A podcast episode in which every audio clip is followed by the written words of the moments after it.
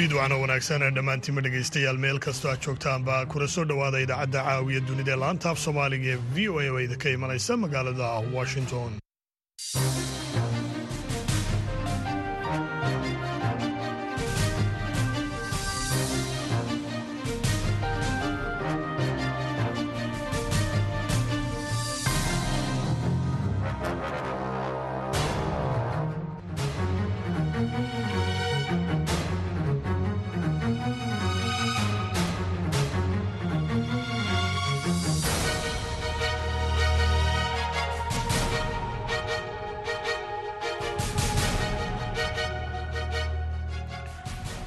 waa fiidnimo isniina taarikhduna ay tahay saddexiyo tobanka bisha noofembar ee sannadka laba kun iyo saddex iyo labaatan. Waxaad naga dhagaysanaysaan moojadaha gaagaabane lix iyo tobanka iyo sagaal iyo tobanka mitirban iyo weliba guud ahaanba dunidood nagala socotaan boggayaga v o a somali com. Haatan dhegaystayaal saacadda afrikada bari waxay tilmaamaysaa toddobadii fiidnimo. Idaacaddana waxaa halkan idinkala socodsiin doona aniga oo cabdixakiin maxamuud shirwac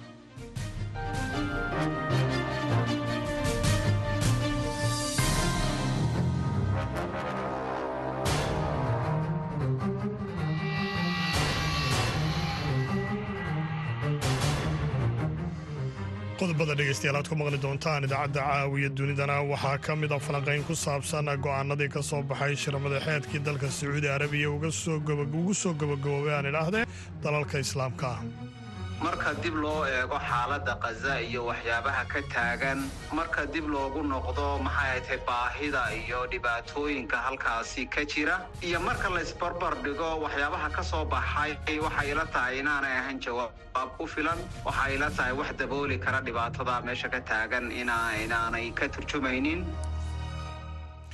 waxaa kaloo dhegaysan doontaan barnaamijkii ilayska v o a oo toddobaadkan ku saabsan arrimaha doorashooyinka puntland.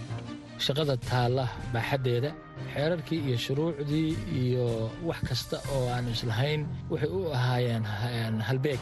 Hannaanka dimuqraadiyadda ah tiirarkii ay ku taagnaayeen dhammaantood waa la dhinac maray waxaana loo dhinac maray in lagu gaaro damca indhala'aanta ee siyaasadeed ee talada lagu soo celiyo halka saxda ah sidoo kale waxaad maqli doontaan dowladda soomaaliya oo sheegtay inay fashilisay weerar ismidaamin ahaa oo maanta lagu qaaday xerada kuliyadda jaalasiyaad ee magaalada muqdisho iyo weliba qodobo kaloo soomaalida iyo caalamkabaa ku saabsan. Hase yeeshee marka hore ku soo dhowaada qaar ka mid a qodobadii wararka adduunka ugu waaweyna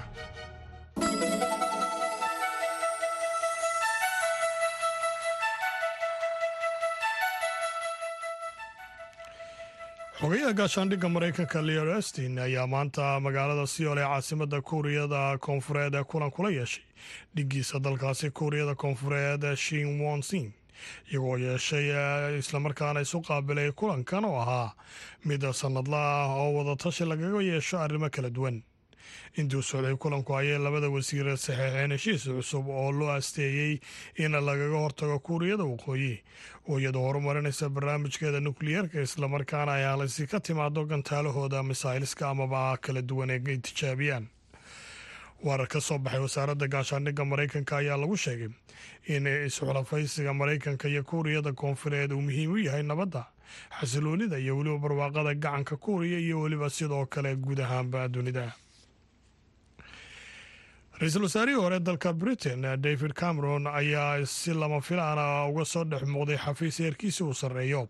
Kadib markii uu noqday xogayaha arrimaha dibadda ee dalkaasi britain xilli uu ruuxan xoogan ka dhex taagnaa xukuumadda xisbiga konservatifka islamarkaana xilkii laga qaaday.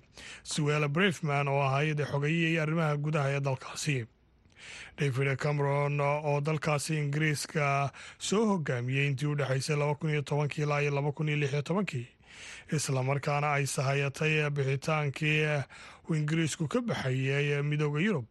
Ayaa haatan xilkan uu magacaabay ra'iisul wasaaraha hadda xilka haya reeo dalkaasi riishi sunaag kadib markii uu isku shaandhayn uu ku sameeyey golihiisa wasiirada.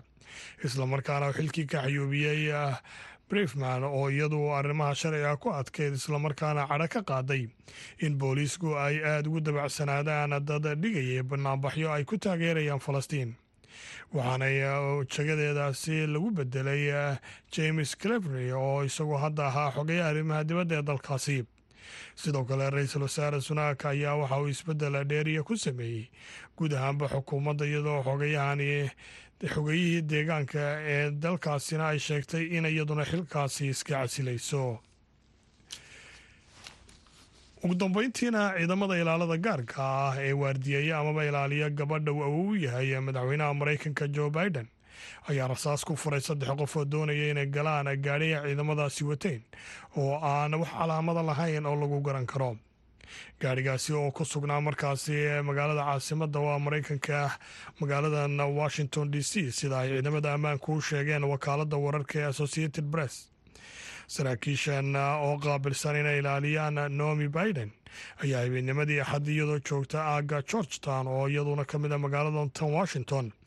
Ay arkeen saddex qof oo raba inay jebiyaan muraayadda gaadhiga kaasoo markaasi yaalay meel aan cidina la joogin. Sida ay saraakiishu sheegeen mas'uuliyiinta ayaana baadhitaankan oo socda ka hadlin islamarkaana wax faahfaahina ka bixin. Iyagoo sidoo kalena wakaalada wararka associated press kula hadlay iyagoo magacooda qariyey. Mid ka mid a askarta ayaana rasaas furay walow aanay cidna xabadda ku dhicin. Waxaanay askartani gaarka ahi ay war ay soo saareen ku sheegeen in saddexdii qof ee halkaasi rasaasta lagu furay ay meesha kaga baxsadeen ee gaadhi caso ay wateen. Kadibna ciidamada xogtooda ay la wadaageen si loo raadiyo.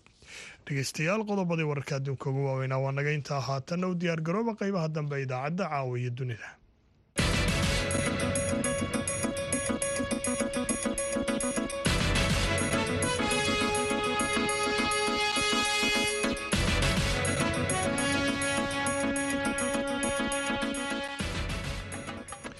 mar kale ayaan idin leeyahay fiidwacana wanaagsan meel kastoo aad joogtaanba.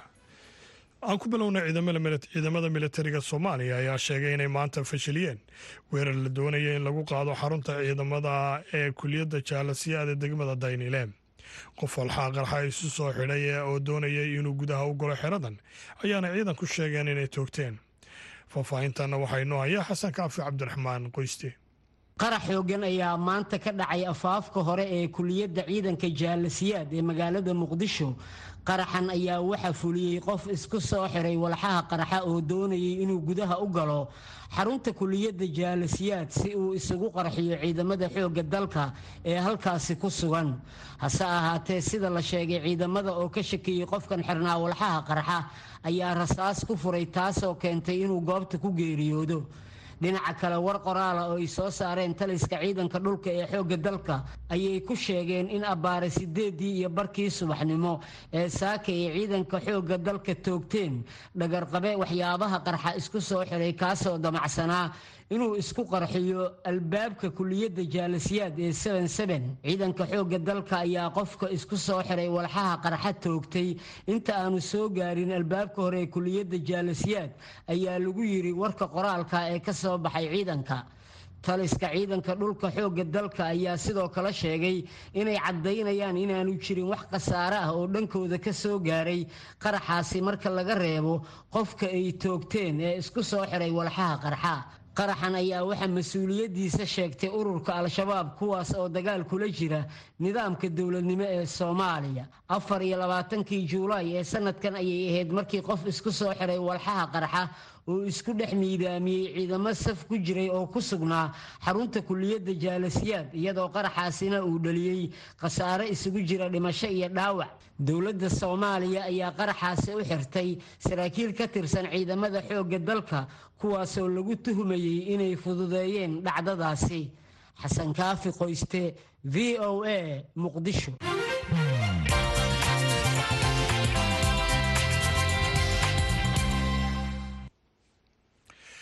fadhigii maanta ee golaha guurtida somalilan ayaa u baaqday kooram la'aana taasoo macnaheedu yahay in tirada xildhibaanada ee soo xadiray ay gaari waayeen intii sharciyan uu galuhu ku furmi lahaa iyadoo xilligan ay somalilan ka jiraan colaado beelaysan.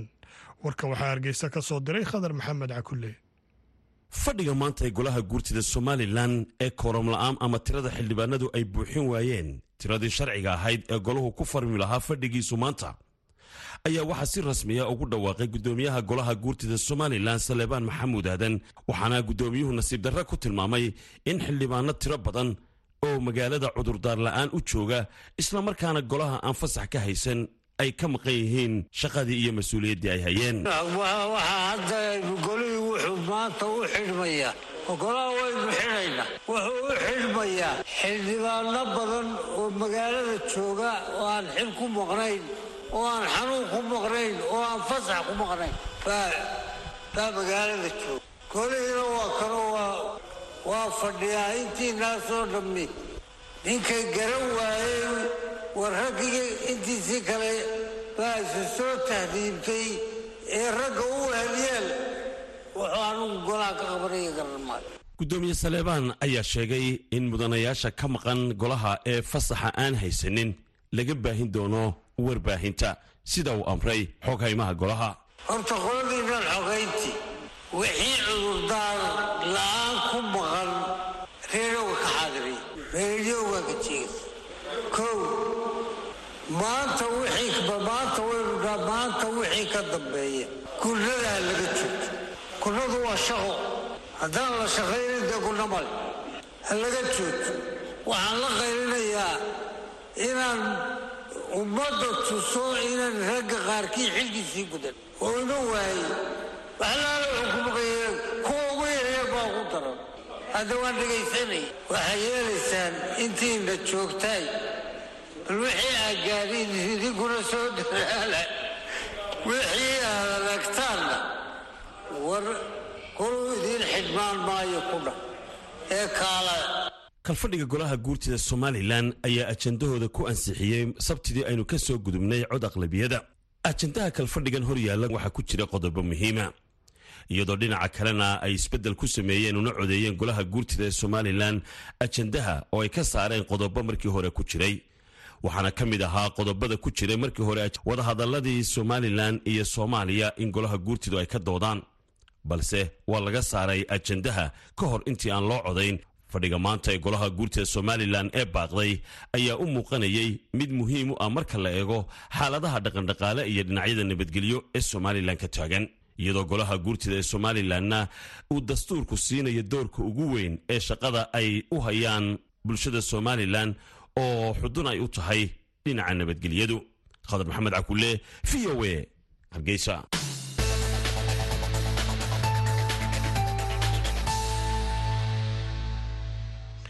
magaalada riyaad ee dalka boqortooyada sacuudi arabiya ayaa lagu soo gabagabeeyey shirka madasha wadatashiga sacuudiga iyo qaaradda afrika kaasoo lagaga hadlayay sidii ay sacuudiga iyo waddamada qaaraddu ay isaga kaashan lahaayeen dhanka maalgashiga iyo weliba mashaariicda horumarinta kala duwan sacuudi arabiya ayaa sheegtay in lacag dhan hal bilyan oo dollar ay ku bixinayso maalgashiga mashaariic kala duwan oo horumarineed kuwaasoo ay iska kaashanayaan afar iyo kontonka wadan ee qaaradda afrika iyo weliba sacuudigu haddaba maxay tahay muhiimadda shirkaasi iyo weliba faa'iidada uu leeyahay qaaradda afrika?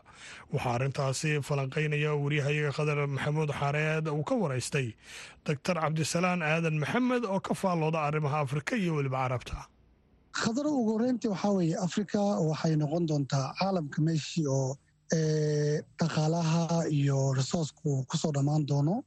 Marka waxaa jira dowlado oo afrika aada u daneeyo sidii china iyo maraykanka iyo yurubka iyo xataa turkiga. Marka waxaa jira afrika in laga fiirin jiray dhanka musaacadaadka iyo in wax la siiyo laakiin waxaa bilowday dadka inay afrika ay u arkaan inay tahay meesha dhaqaalo la gashan karo la maalgashan karo na loo baahan yahay in la wada shaqeeyo. Marka sacuudigu waxaad moodaa inay soo rogaal celiyeen oo ay dhaheen maadaama dhaqaalaheenni aan ka fujinay batroolka inuu ku dhisnaado inaan bal afrika asxaab ka raadino. Asxaab taqriiban waxaana halkaas isku imaaday konton madaxweyne afrika ka socoto afrikanu waxay raadinaysaa inay dhaqaale iyo ay ka hesho oo waddamada la hormariyo. Waxaan ognahay inay jirto inuu jiro taxaalif cusma layhahdo brics layidhahdo oo bilihii la soo dhaafay la sameeyey taasoo waddamada africa ay ku jiraan masar iyo ethoobiya ay ku jiraan sacuudigana ay ku jirto marka waxay ku tusinaysaa in sacuudigu ay soo celinayso global diplomatic presence inay inay joogto ay relevant tahay caalamkana wax ka maamuli karto waxna ka sheegi karto. Waaya shirkan waxaa lagu magacdaray madasha iskaashiga sacuudiga iyo afrika. Sacuudigu waxa uu sheegay in lacag ama dhaqaale u dhigma hal bilyan oo doolar uu ku bixin doono qorshaha iskaashiga afrika oo socon doono ilaa iyo labada kun iyo soddonka. Maxaa xilligan ku soo beegay ayay kula tahay in sacuudigu uu daneeyo maalgashiga dhaqaalaha afrika? Waxaa jira wax la yidhahdo twenty thirty vision oo sacuudigu ay leeyihiin. Oo runtii meel dhexe marayo taasna marka waxay keentay in la raadiyo bal meelo kaleoo dhaqaalaha la gashto oo afrika ay ka mid tahay. Haddana hadlayno taqriiban afar boqol mashruuc ayaa afrika ka socda oo sacuudiga ay leeyihiin dowladda gaarba oo lahaato laakiin waxay rabaan inay keenaan sacuudi investors naftooda inay dhaqaale gashtaan africa hadday noqoto dhismaha hadday noqoto green dhanka oo mataqaana energy-ga. Iyadoon ognahay in sacuudigu ay hayaan batroolka caalamka boqolkiiba labaatan africana ay hayaan boqolkiiba afartan dhanka renewable energy markii laga hadlayo. Taas marka waxay keenaysa haddii labadooda isku imaadaan inay keeni karaan boqolkiiba toddobaatan enerjiga caalamka inay keeni karaan. Marka hore waxaa jiri jiray cabsi ah africa meel la maalgashan karo maaha stable maaha laakiin taasi been ay noqotay. China ayaa waxay dad tusay in africa lacag la gashan karo la dhisan karo. Sacuudiga marka waxay rabaan inay turuu laba wadan inay africa ay u noqoto meel ay soo maraan.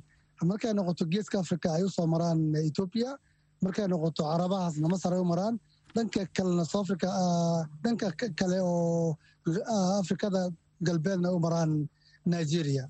Taasi marka waxay u baahan tahay dowladaha saakulkaas ku jiro sidii soomaaliya camal inay aad u fikiraan istraatiijigal u fikiraan si ay maalgashigaas ay nus uga qaataan hadday noqoto horumarinta dhanka badaha iyo horumarinta dhanka xoolaha hadday noqotoba taasna waxay rabtaa diblomaasiyad adag ay u baahan tahay. Ma kula tahay in sacuudigu uu doonayo inuu xoojiyo galaangalka siyaasadeed ee uu ku leeyahay qaaradda afrika? Khadaro way noqon kartaa laakiin waxay u baahan tahay horta dhaqaalena way u baahan tahay dhaqaalo waa lahay laakiin waxay u baahan tahay morof waxay u baahan tahay ruuxu inuu fahmo horta africa maxaa yaalla for long period waxaa la ogaaday sacuudigu inaysan macluumaad fiican ka haynin africa oo ay u arkaan afrikaanku inay yihiin dad tuugsanayo oo loo isticmaali karo dhanka in diinta la nashriyo dadkii hataa wax la soo baray dhanka laakiin hadda waxay soo ogaadeen inay kaalin diblomaasiyadeed iyo kaalin siyaasadeed ay soo gali karaan. Iyadoon ognahay in dowlad yar yar oo khaliij ku yaaro oo xoogga sacuudiga aan laakiin door waaweyn ka ciyaarayo afrikada sida qatar iyo imaaraadka oo dowlado yaryar oo laakiin kaalin waaweyn ka ciyaaraya marka sacuudigu way keeni kartaa awoodna waa lahayaa capacity dhanka oo xoolana waa lahayaa presence fiican ugu jira. Laakiin waxay u baahan tahay isku xir. In la isku xiro afrikaanku maxay rabaan? Sacuudigana muxuu rabaa? Afrikaanku ma kuwii hore aan garan jiray oo musaacadada timirta la siin jiray miya mise oo afrikaan u soo jeestay inay waddankooda la dhiso la maagasho afrikaanku se ma la aamini karaa in lacag loo dhiibto ay ku shaqeeyaan. Ugu dambayntii maxaa muhiimada shirkan sacuudiga iyo afrika uu u leeyahay qaaradda afrika? Wuxuu faa'iido ugu leeyahay in sacuudigu ay lacag aada u tiro badan ay maalgashan rabaan afrika. Marka taasna waxay keenaysaa inay ka yareyso deemihii badnaa oo dowladaha yurubta iyo china ay ku qarqiyeen afrika. In la heli karo meel kale oo wax laga helo oona oo laakiin partnership oosan ahayn deen iyo deen la kala rabaan ahayn marka waxaan rabaa in afrikaanku dowlad kastana ay waxay ahayso ay miis soo dhigto gaar ahaan soomaaliya oo aan u malaynaya inay u baahan tahay maalgashigaas inuu waddankood tago oo u baahan yihiin inay ammaan keenaan diblomaasiyadan ay shaqayso afrikana ay ka faa'iidaystaan si transparent arrintaas loo maamulo. Wagaag dhegeystayaaalkaasina wuxuu ahaa doctor cabdisalaan aadan maxamed oo ka faallooda arrimaha afrika iyo carabta oo magaalada nairobi ugu warrameeyey waryahayaga khadar maxamuud xareed.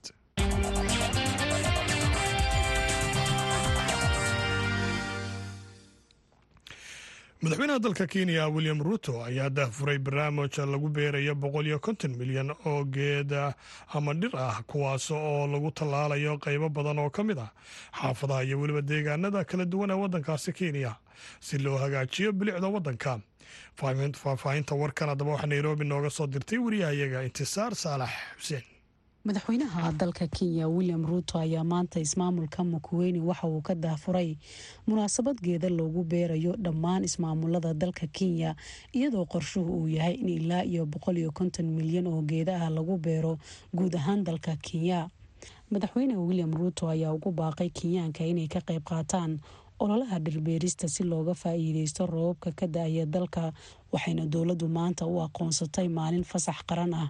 Sidoo kale golihiisa wasiirada ayuu madaxweyne ruuto dhammaan waxa uu u kala diray ismaamulada dalka si ay uga daafuraan barnaamijka dhirbeerida waxaana wasiir walba loo xil saaray in ugu yaraan laba ismaamul uu ka daafuro barnaamijkan. Meelaha maanta laga daafuray barnaamijkan waxaa ka mid ah xaafada soomaalida islii oo ka tirsan degmada kamakuuji haddaba xildhibaanka degmada kamakuuji xildhibaan yuusuf xasan cabdi weheliyaan xubno ka tirsan wakiilada dowladda hoose ayaa xaafada islii ka daafuray barnaamijka dhirbeerida. Waxa uuna ku booriyey soomaalida islii inay ka qayb qaataan ololaha dhirbeerista ee wadanka ka bilowday. Waa in geeda beernaa abaarta joogtada eed ku aragtaan dhulkeenna geedla'aan baa keentay. Biyahan fatacaya ee meel kasta baabi'inaya geedla'aantaa keentay marka waa inaan geed beernaa nin kasta oo soomaaliyeed waa inuu geed beeraa taasaa beddelaysa nolosheenna taasaa environmentka beddelaysa dagaallada iyo colaadda badanna joojinaysa. Sababtoo ah meel kasta daaq buu yeelanaya meel kasta biyaad ka helaysaan. Laakiinse waa inaad wax ka beddeshaan sida aad u fikirtaan iminka ood geeda beertaan. Dhirta dhirta waa inaad u dadaashaan. Mazingira bora good environment. Wakiilka dowladda hoose ee waqooyiga xaafadda islii axmed qadar dabar ayaa waxa uu dhankiisa tilmaamay in bilicda xaafadda ay muhiim u tahay dhammaan bulshada loona baahan yahay in laga wada shaqeeyo. Geedka waa sadaqa tujaariya waa muhiimadda uu leeyahay ee diinta islaamka ayaa noo sheegtay. Nin walba muslim oo walaal soomaaliyeed geed ha abuuro geedkana ha waraabiyo. Si walaal kale uga faa'iidaysto ummaddana uga faa'iidaystaan meel walbana geedahan ku abuurno. Bilicda soo celinteena xaafaddu waa wax naga wada dhexayso.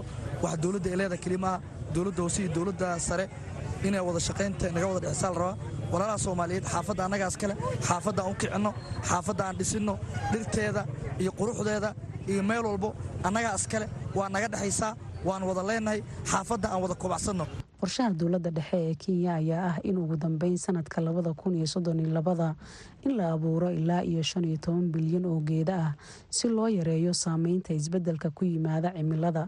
Intisaar saale xuseen v o a nairobi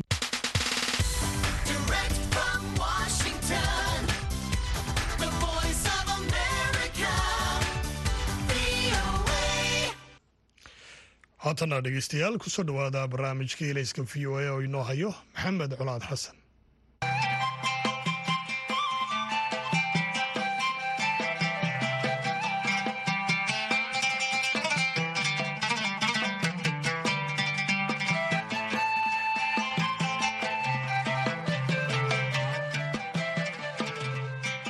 haweeneyda bishii mey ee sanadka loo soo magacaabay wakiilka gaarka ee qaramada midoobey ee soomaaliya katriona leyn oo toddobaadkan booqasho ku kala bixisay dowlad goboleedyada soomaaliya.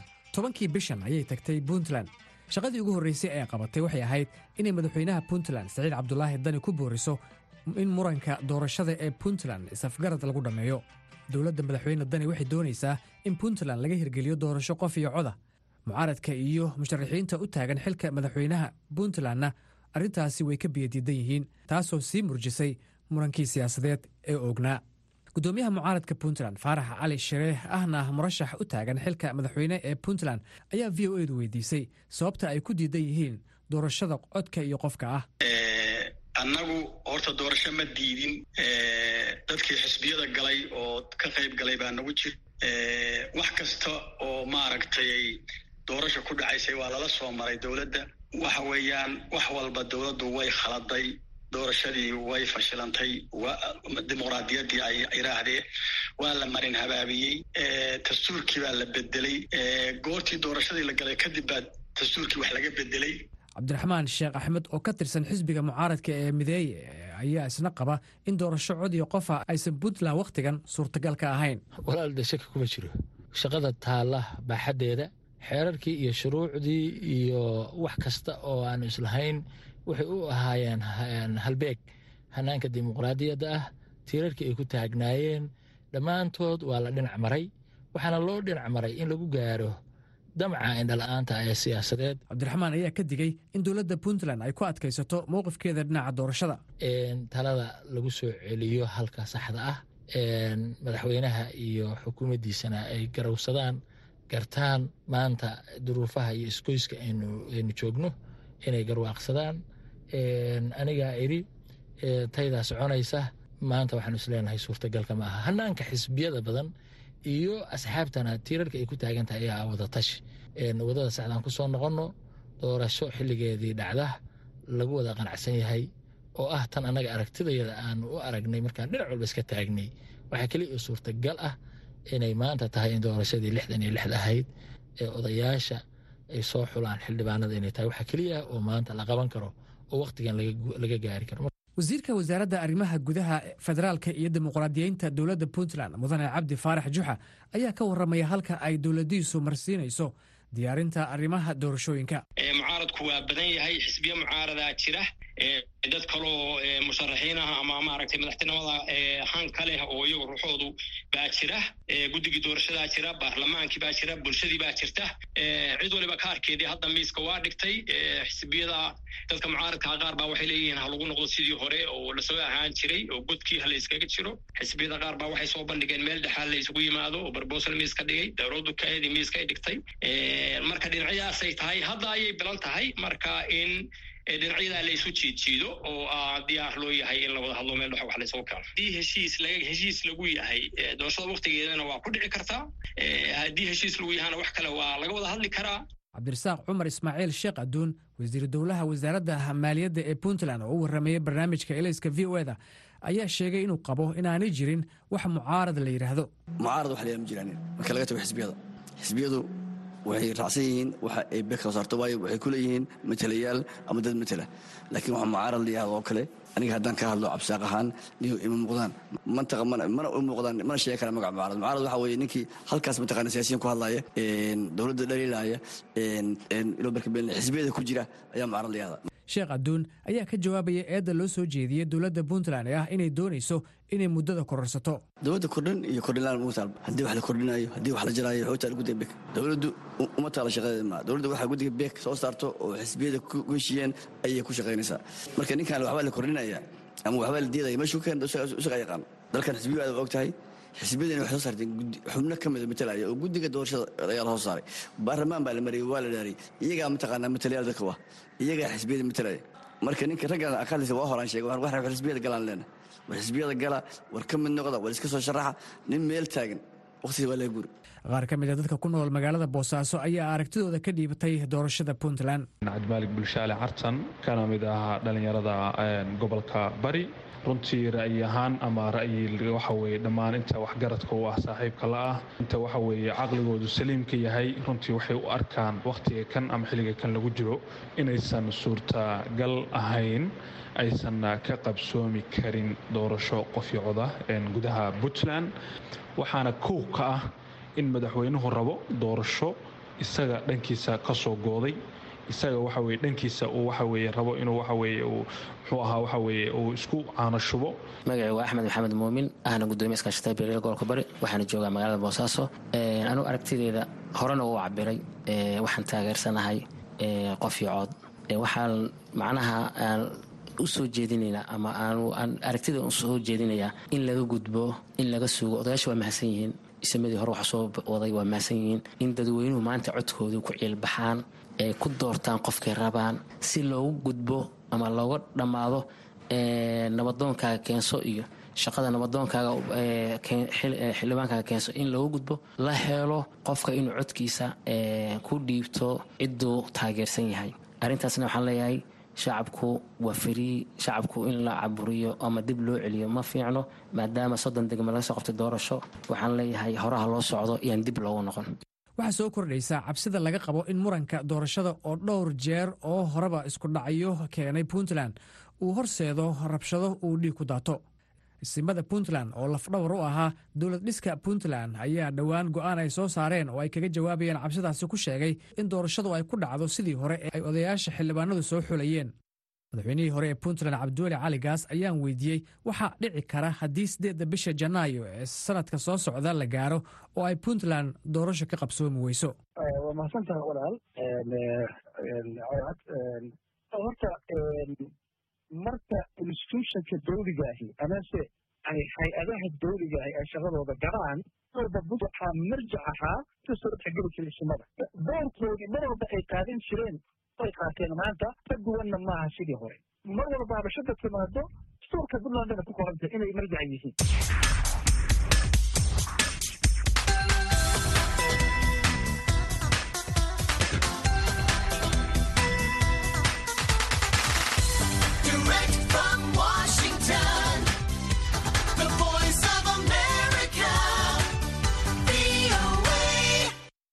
fiid wanaagsan dhegaystayaal ku soo dhowaada barnaamijka cawiijka radhaab kaasoo idinkaga imaanaya la'aanta afka soomaaliga ee v o a rediyoga xeryaha dhadhaab abeysku waa barnaamij ka sheekeynaya nolosha qaxootiga si toosna aan idinkaga soo gudbinayno xeryaha qaxootiga dhadhaab ee gobolka waqooyi bari. Barnaamijka toddobaad walba waxaan ku soo qaadanaa labada mawduuc ay ugu hadaleynta badan yihiin bulshada ku nool xeryaha qaxootiga iyadoo dhegeystayaasheena dhadhaab iyo deegaanada ku xiran ay si toosan uga dhegaysan karaan. Idaacadda f m-ka v o eda dhadhaab ee ka soo gasha hal eber lix dhibic todoba megahartis barnaamijkeena caawa qodobada aad ku maqli doontaanna waxaa ka mid noqon doonaa qaxooti muruqmaal ah oo ku nool xeryaha dhadhaab ayaa dowladda kenya ka codsaday in loo sii daayo kareetooyin ama gaardameero ay sheegeen in looga xayiray deegaanka kulan ee degmada dhadhaab sidoo kale barnaamijka waxaa qayb ka ah gaadiilada qaxootiga ah ee ka shaqeeya gudaha xeryaha ayaa ka warbixiyey saameynta ay ku yeesheen roobab ka da'ay gobolka shaqooyinkooda iyadoo bulshada qaxootiga ay sheegeen inay muhiim tahay in xil iska saaro hagaajinta waddooyinka ku yaalla gudaha xeryaha kamar xubintii shakhsiga oo toddobaadkan marti ku yahay maxamed cabdulaahi axmed oo gabay ka tiriyey dhibaatooyinka haysta soomaalida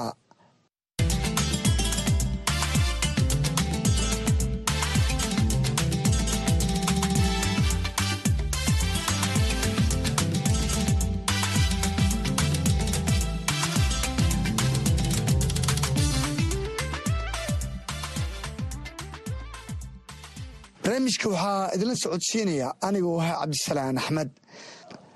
Bulshada qaxootiga ah ee ku nool xeryaha ayaa u badan muruqmaal ku shaqaysta gaadiidka loo yaqaano gaari dameerada kuwaas oo siyaabo kala duwan ugu shaqaysta gaadiidkaasi iyadoo qaarkood baadiyaha fog ay ka doonaan xaabada debka lagu jito iyo dhista guryaha lagu dhiso si daryeelka qoysaskooda ay halkaasi uga soo saartaan maadaama aysan ku filnayn raashinka ay bixiyaan haydaha samafalka muruqmaalkan qaxootiga ah oo soddonkii sano ka shaqeynaya deegaanada gobolka ayaa dadka deegaanka waxay u arkeen kuwo xaalufin aan ku haya dhirta deegaanka taasoo khasabtay in dowladda kenya ay soo rogto amaro lagu mamnuucayo jarista dhirta deegaanka. Haddaba go'aanka dowladda ayaa sababay in gacanta lagu dhigo ku dhowaad boqol kareeto oo ay ku shaqaynayeen muruqmaal qaxooti ah taas oo saameyn toosa ku yeelatay qoys badan oo qaxooti ah maxamuud xasan maxamed waa aabba qaxooti ah wuxuu qayb ka yahay shakhsiyaadka kareetooyinka looga xayiray deegaanka kulan. Wuxuu ka waramayaa saameynta ay ku yeelatay iyo shaqola'aanta soo wajahday maalmihii la soo dhaafay. Aabba soomaaliyeed qaxootiga ahay kareetayaal ilaa iyo gaaraya sagaashan iyo afar yaa noogala qabtay deegaanka. Wax ilaahay untu camaloo hayna male. Ilmihii waa iska fafadhiyaan maadaama kareetaan ku shaqaysanayo wixii alle wixii aan qaadanay tukaanaan ka beelinayo tukaanka waa liiga joojima kareeta liiga xari. Ilmihii way fafadhaan raashin oo nagu filan oo qaadana male. Haddii kareetaanka noolsoo sii daan lahaa carrada bes aan bacaadka aan iskii guran lahayn oo qaxootiga dhexdiisa iskii shaqaysan lahayn. Biyihii fasahaadaka waa isoo galeen guriga ka biyaha ku jiro. Kareetada carraan iskii doon lahay meesha iskii shuban lahay alla ka dhiga. Way gacantay ka baxday maxaan rabaa dowladdan ka codsanaa inay kareetayaalkaas nool soo sii daaya. Midi kale degniin waxa nala siiyey male anagoo warmoogaha noola qabtay ilaa iyo laba bilood iyo naga maqahiin ilmihii way fafadhaan. Wax ilaahay unta gacan aan ku hayna male walaal maxaan rabaa in kareetayaalkaas nool soo sii daaya. Waayahay wakhti intee leeg ayaad ku shaqaynaysay kareetada ama gaardameerka? Afar iyo toban sana aan ku shaqaynaya aniga carro iyo qori iyo jaabo baan iskii soo gurinaya maqaadir ilaahay hadda nagu dhacday ilaa haddeeta si aan u war sugeyni wax hadla ama wax noo keena wax noo sheega midna ma hayna. Caruurta bay naga fadhiyaan. Shaqo kaloo nin wax bartay oo gacantiisa wax ku qoran karna ma ihi. Kareetadaas ma wax kaloon garanayay oo ilaahay uunta male mihii mudarsadii ugu jira alla ka dhiga kareetada macnaha wixii aan ku soo helay lacagtaan ku bixinay alla ka dhiga mudarsadii ilmihi ka banaanka la keeni aniga ilmihii iyo islaantii waxay ku leeyahay hor fadhiya wax gacan aan ku hayna male walaal maxaan cogsanaynaa dowladda iyo deegaanka dhanba inay kareetayaalka noola soo fasaxa waa tahay maxay tahay sababta kareetooyinkan ladinkaga xanibay oo shaqooyinkiin hakadka loo geliyey degtooyin horema noola siina oo geedahan iska dhaafa dowladdu nama dhihin sikadiis ay nagu qabatay marka waa arrin aan filayna dadka deegaanka dhan dhahay dhigtaa geedahaad xaalufinaysiin sidaasaa macnaha nogula qabsaday degnihi hore noola sii ma qaxootiga sidiisa bannaan sida aad ogtihiin dad iska danyar waaya kareetayaalkaasay ku shaqaystaan wax kaloo hadda oo macnaha ku filan oo yo aan aysaysana male marka maxaa rabnaa walaal kareetayaalka in loosoo sii daayo? Aad buu u mahadsan yahay kaasina wuxuu ahaa maxamuud xasan maxamed oo ka mida xoogsada qaxootiga oo igu waramay gudaha xeryaha dhadhaab ee gobolka waqooyi bari xoogsadan qaxootiga ah oo duruufaada ku shaqaynayay ayaa hogaamiyaasha koontiga iyo dowladda dhexe ka codsaday in loo fasaxo gaadiidka maadaama baahi badan ay u qabaan iyadoo odayaashan qaarkood danta ku qasabtay inay kareystaan kareetooyin kale si ay halgan ugu galaan biilasha caruurtooda. In badanaa muruqmaal ahay oo bahalladan ku xamaalanay haddana dhibaato fara badanaa naga soo wajahday laba bilood waa nagala haastaa waxaan hadda u shaqaystaa oo labadan maalmood oo roobka daay carruurta aan ku reebtaa nin aan darisnahay oo halka reekta leh yaan maalinna asaga ugu xamaalaa maalinna anaa ku xamaalana. Sidaasa meeshaasaa ila gashay laba kareetana waan lahay. Marka dhibaato haddee sidaa unbay ahaan kartaa oo nin kareeto dad leeyahay maalinna ninkii kale ugu xamaalaya maalinna ani ku xamaalanay oo carro ku guraya weliba wax kale maaha. Marka walaalyaalow dhibkaas waa jiraa waxaan koobi karno ma aha. Marka dhex jiifi karo wixii aabowba aabow caanaay ku leeyihiin intay ka keeni adi madadaa dhici waddamaa geli waaye. Waxaan samaynaa wallaahi aan garan la'nahay hadda waxaa ila gashay in kareeto dad leeyi intaan soo wato. Maalinna ani ku shaqaysto maalinna asaga ugu shaqeeyo. Sidaasoyda carruurta xabadda caanaha aan ugu raadiyo.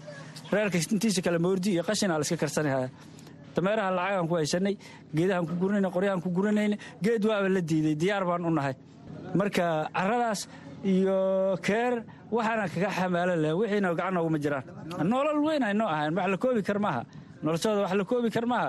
Baabuurtaas ragga wata iyo annaga seemseema ahayn. Oo waxaan ku haysano wax la koobi kar maaha. Marka waxaan ka codsanaynaa walaalyaalow kareetayihii sidaan ku heli lahayn walaalihiinaan nahay carruurtii lahayd waa biihaayaan haddee laba soomaali inay soomaali ku hoos dhiban marna uma aana qabin ani. Dameerihiina siiya walaalyaalow carruurta waa baahan yihiin.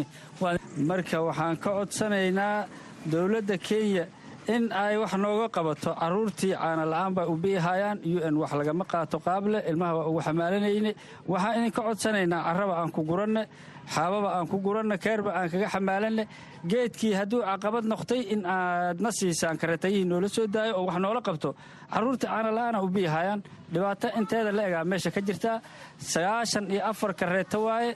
Sagaashan afartaasoyda labaan kala yahay aniga marka intii aabboo laheed saaka waxay ku sugan yihiin ilaahay macbuudkaah umbaa sheegi karaa un waa tahay kareetooyinkan halkee baa laga qabtay? Deegaan ahaan kulan iyo libooyo laba dhexdooda ay ka xamaalanayeen marka waa la soo kaxeeyey xerada kulan ay ku xariisan yihiin. Marka wixii ama ka samrana nalama laha waa layska haastaa wax jawaab oo haynana male dadkii lahayna waa ba'ay haayaa oo dhibaato inteeda la egu qabaa wax gargaar uu ku haastana ma laha. Ninba ninkii kale oo dariskiisa ahay yuu maanta la nool yahay. Waa sagaashan afar kareeta oo aabbayaal qaxooti ayaa carruurtooda ku wada biilanaya. Intiiba saaka ilaahay baa oga xaaladooda siday tahay. Digniin la'aan bay nugu qabatay middan. Digniin haddii nala siin lahay oo nala dhihi lahay geed haddaa u dhowaataan waa jeebkiinna. Haddii ninkii lagu qabto saaka maba lagu wada hadleenba waa tahay sababta kareetooyinkan loo xiray maxay ahayd? Inaan dhulka xaalufinayno baa nagula eedeeye un. Ma toban beri nin maqan dan unbaa u geysa maahana horta dacad baashaal iyo ciyaar iyo midna uma geynin. Toban beri nin reerkiis ka maqan oo geed gooynaayo baahida intaa ka badan intay ka imaanay sideedaba. Waxaad ka warbixisaa marka colayska aad wajahaysaan muddo laba bilood ah iyo qoysaska is leedahay tare ahaan arrintan way saamaysay.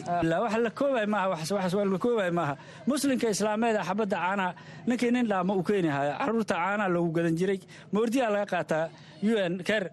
Qolkiiba lixdan kareetooley waaya qaxootiga.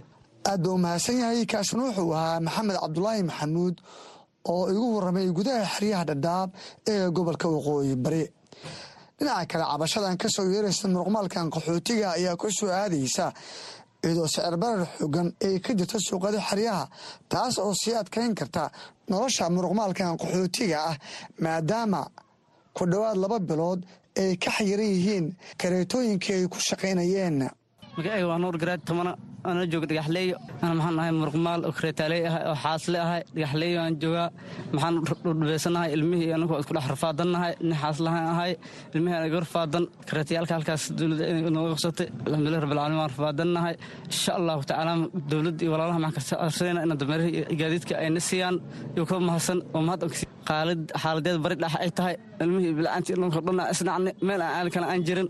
Walaalaha maxaan ka codsanaynaa ina gaadiidka ayna siiyaan kiilihii sokorta maxaa la gadaa laba boqol kiilihii yaanyada ah boqol iyo lixdan.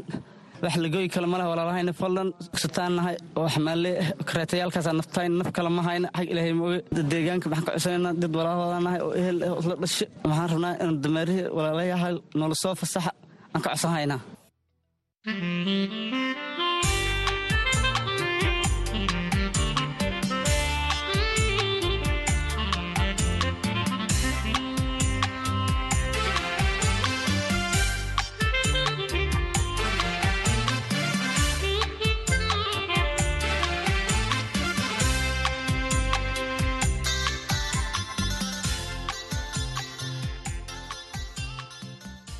waa hagaag waxaan ku jirnaa qaybihii dhexe ee barnaamijka. Waxaa idinku soo maqan warar kale oo xiise oo ku aadan isla wararka qaxootiga balse iminka aadinku wareejiyo.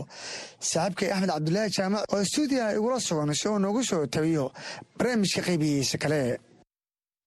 Mahadsanid cabdisalaan dhegaystayaal waxaad nagala socotaan barnaamijka caweyska dhadhaab oo aad ka dhegaysanaysaan laanta afka soomaaliga ee idaacadda v o a waxaana uu barnaamijku si toosa idinkaga imanayaa xeryaha dhadhaab ee gobolka waqooyi bari ee kenya magacaygu axmed cabdulaahi jaamac.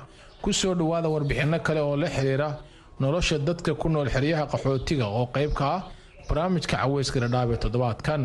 Waxaa ka mid a qodobada aad ku maqli doontaan xubintii shaqsiga oo toddobaadkan uu marti noogu yahay maxamed cabdulaahi axmed hal abuur daayar oo gabay ka tariyey dhibaatada haysata dadka soomaaliyeed iyo qiimaha iyo quruxda dalka soomaaliya waxaad kale oo maqli doontaan gaadiidlada xeryaha qaxootiga oo ka hadlaya saameynta ay roobabka ku yeesheen shaqooyinkoodii waddooyinka oo aad u liita awgeed.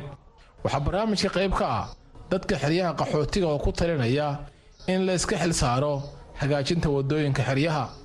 Haddii aan ku bilaabo dhegaystayaal xubinta shaqsiga maxamed cabdulaahi axmed oo ah halabuur da'yar oo ku nool xeryaha qaxootiga ayaa gabay ka tiriyey duruufaha haysta dadka soomaaliyeed oo ay dagaaladu ka midka yihiin. Waxaa kale oo hal abuurku gabaygan uu bixiyey damaar. Uu ku sheegayaa qiimaha bilicda iyo khayraadka dabiiciga ah ee uu leeyahay dhulka ay soomaalidu degto ee dhaca dalalka soomaaliya kenya etoobiya iyo jabuuti hal abuur maxamed cabdulaahi oo aan ku waraystay xerada xagardheer ayaa waraysiga ku bilaabaya waxa ku dhaliyey inuu gabaygan tiriyo.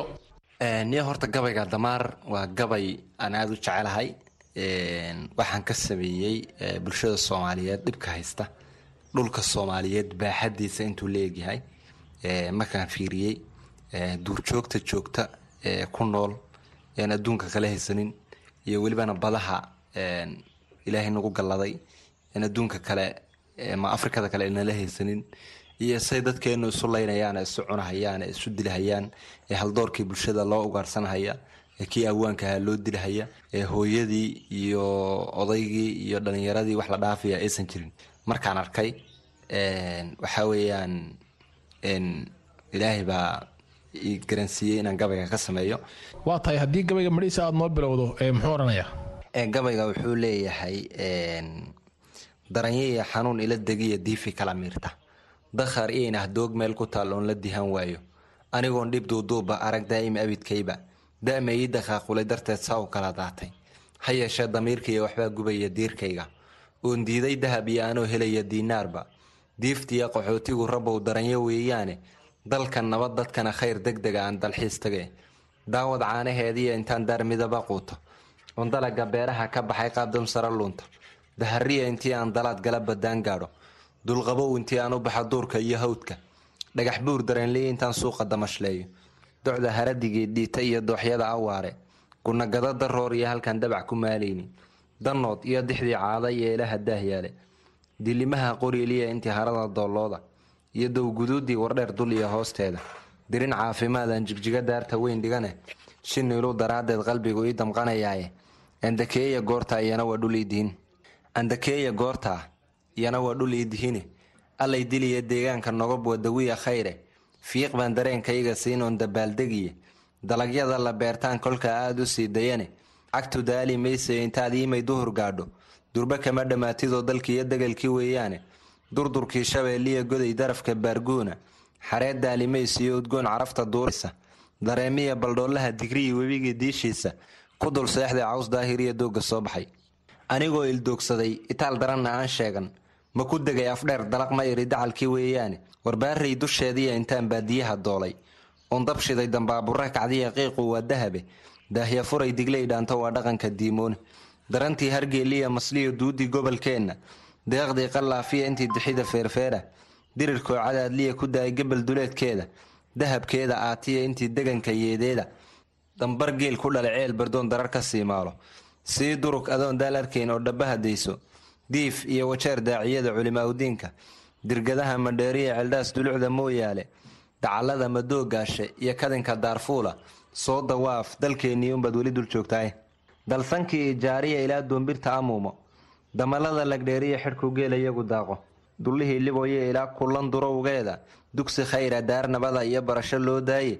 Dariiqyada dhadhaabiya markaad gaaris daraf gaadho darinkeeda taabtiya umood darabka dhoobleya dekadaha kismaaye ilaa diilhariya luuqba dubayada bu-aaliya intaad sarag la sii doonto. Dooyada wariir buu qalbigu dihasho maagaaye faafaxdhuun darkeediya gediya dalaga baar dheere.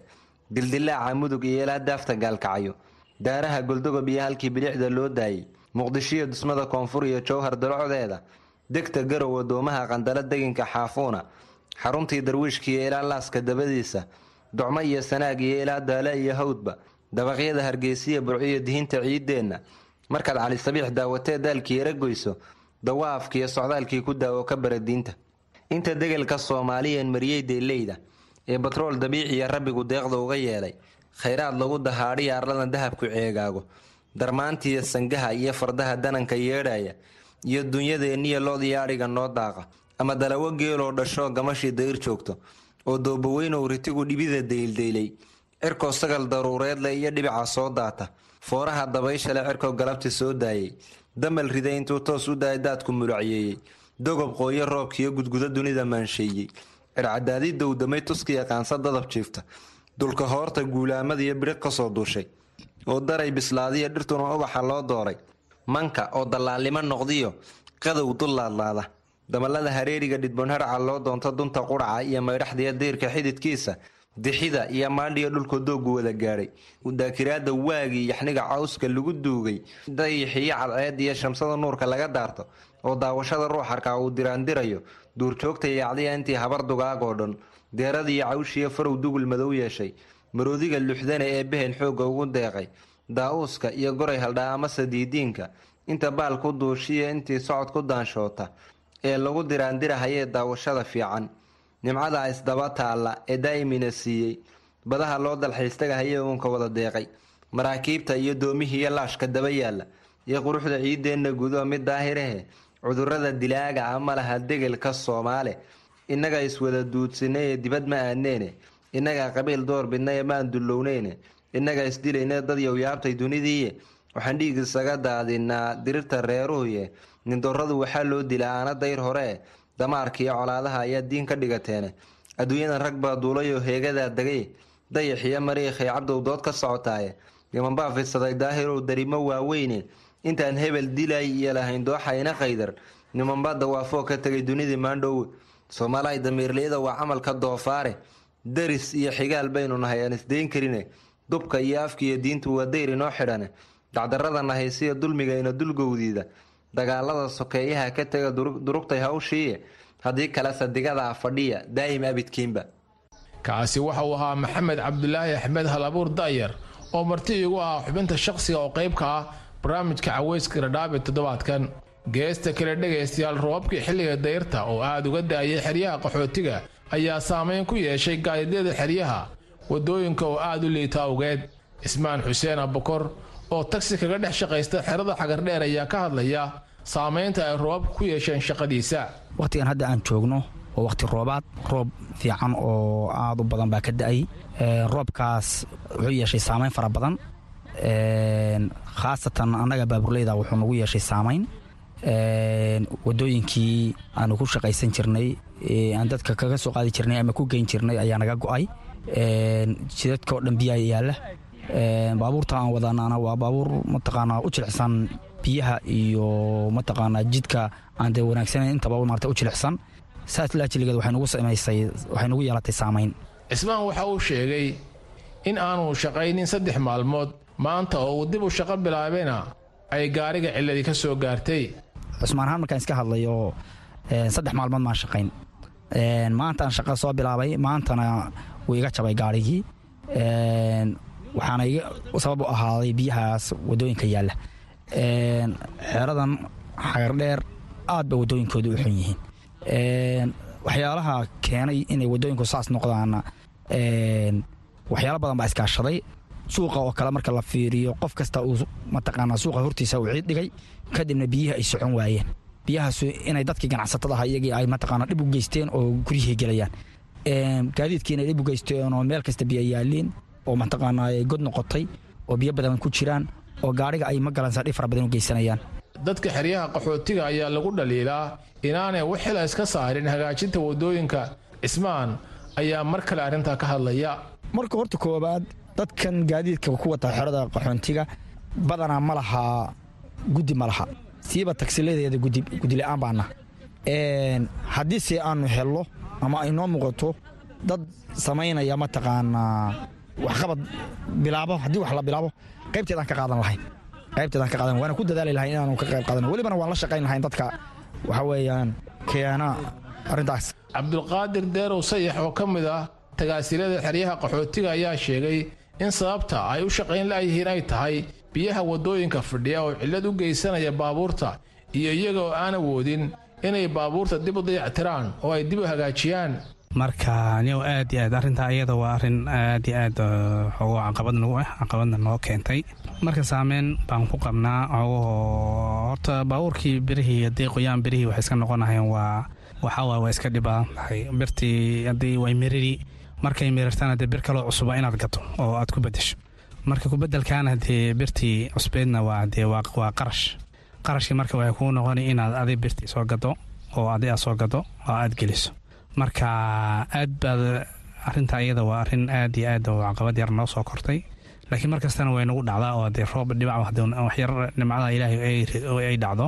Maxamed cabdulaahi cali oo ka mid a waxqaradka xeryaha qaxootiga ayaa ku talinaya in dadku ay iskaashi sameeyaan si wax looga qabto loona hagaajiyo waddooyinka burbursan waxaan kaloo dilaa dadka inay salqaamaan rabaa. Waxaa waye ciddan xeel uma maqnaa cid uma qodon waay dadka jeebkooda inay yakaysa aruuriyaan salqaaman baa la rabaa. Qof hadduna salqaamin oo aan magaranaysa wixiisa asaga u hagaajisan cid ku hagaajinaysa ma laha. Cid looga fadhiyana ma laha. Dee farkin la faalma marto laakiin howsha waxay u baahan tahay in magaranaysa isxilqaan iyo magaranaysa isa waxqabad iyo nin walba jeebkiisii wixii ku jira uu dee waawoodu ka bixiyo baa wax lagu qaban karaa iskaashata ma ku fitay soomaalilada gacmana geliy wadajirka wax ku gooyaan laakiin hadday lagu daayo calijaal baa jeemanka ama dadka le walba ku fiirsado adan cilna umaanaysa hayadda ku waajinayso ama ku wax malaha waa in adiga isxilqaanto adigu jeebkaada ku xisaabtanto ka bacdina dee quraanjo arurta meel cawaajida ee noloshii la qabsan baan aniga ku baaqaya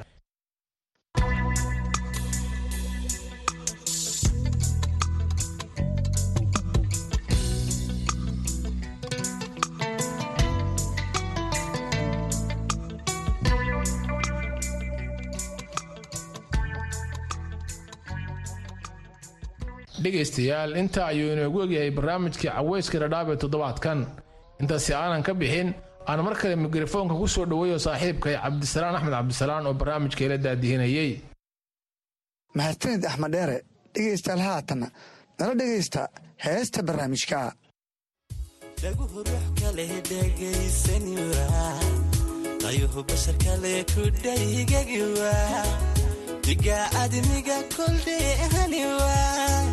qoraxda dhalatana kuwagedhigiwa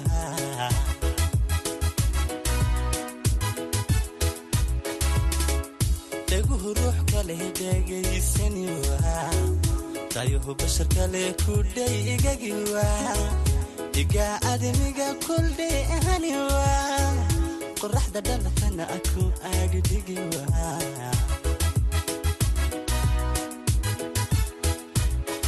afkii duuniga dharaarcuniwa hurdana dhabarkii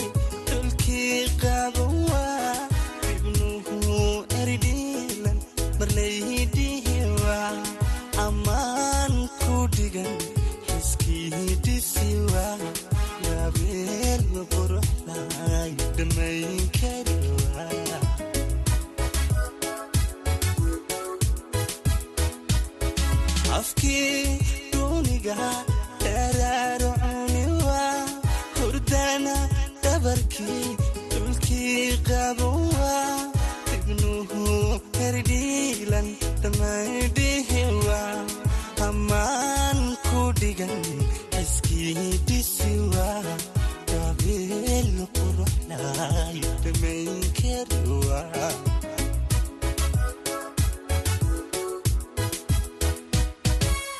cabka dhurmaya rabbiga dhimiwa kalsoonida dheer la dhiibi kariwa dhexdeenna naami ka dhef heliwa idhowr mooye idhaflewa jacayl dhaxalgala wax dhaamalowa jacayl dhaxalgala wax dhaamalowa cabka dhurmaya rabbiga dhimiwa kalsoonida dheer la dhiibi kariwa dhexdeenna naami ka dhef heliwa aydhow mooye idhaflewa jacayl dhaxalgala wax dhaamalowa jacayl dhaxalgala wax dhaamalowa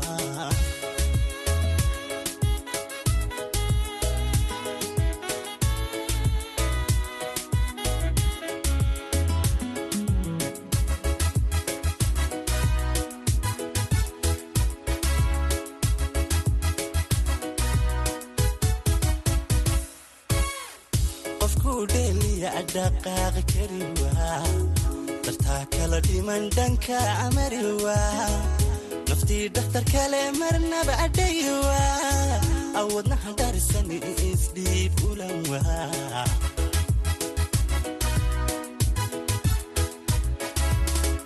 qofkuu dheeliya dhaqaaq kariwa dartaa kala dhiman dhanka amariwa naftii dhakhtar kale marnaba adhayiwa wadnaha dharisani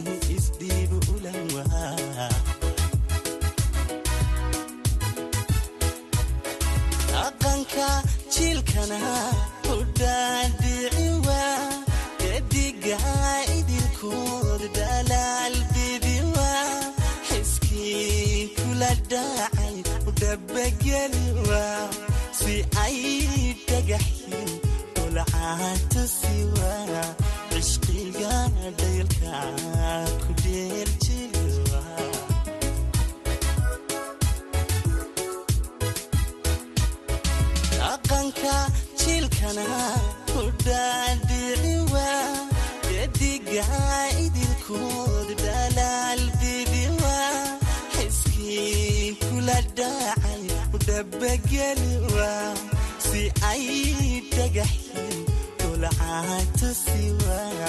cishqiga dhaylka ku dheeljiliwa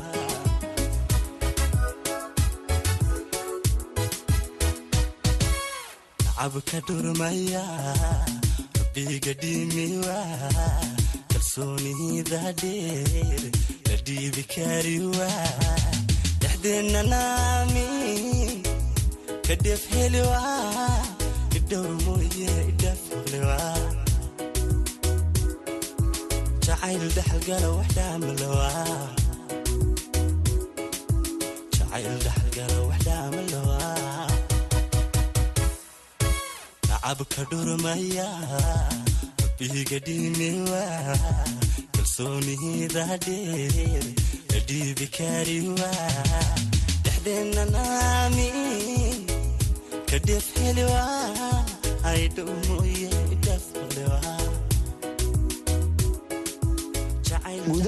barnaamijka caweyska toddobaadkan halkaas ayaan ku soo afmeerayaa barnaamijka waxaa idiin soo tabinayay anigoo cabdisalaan salas iyo saaxiibkay axmed dheere tan iyo toddobaadka dambe intaa dib u kulmi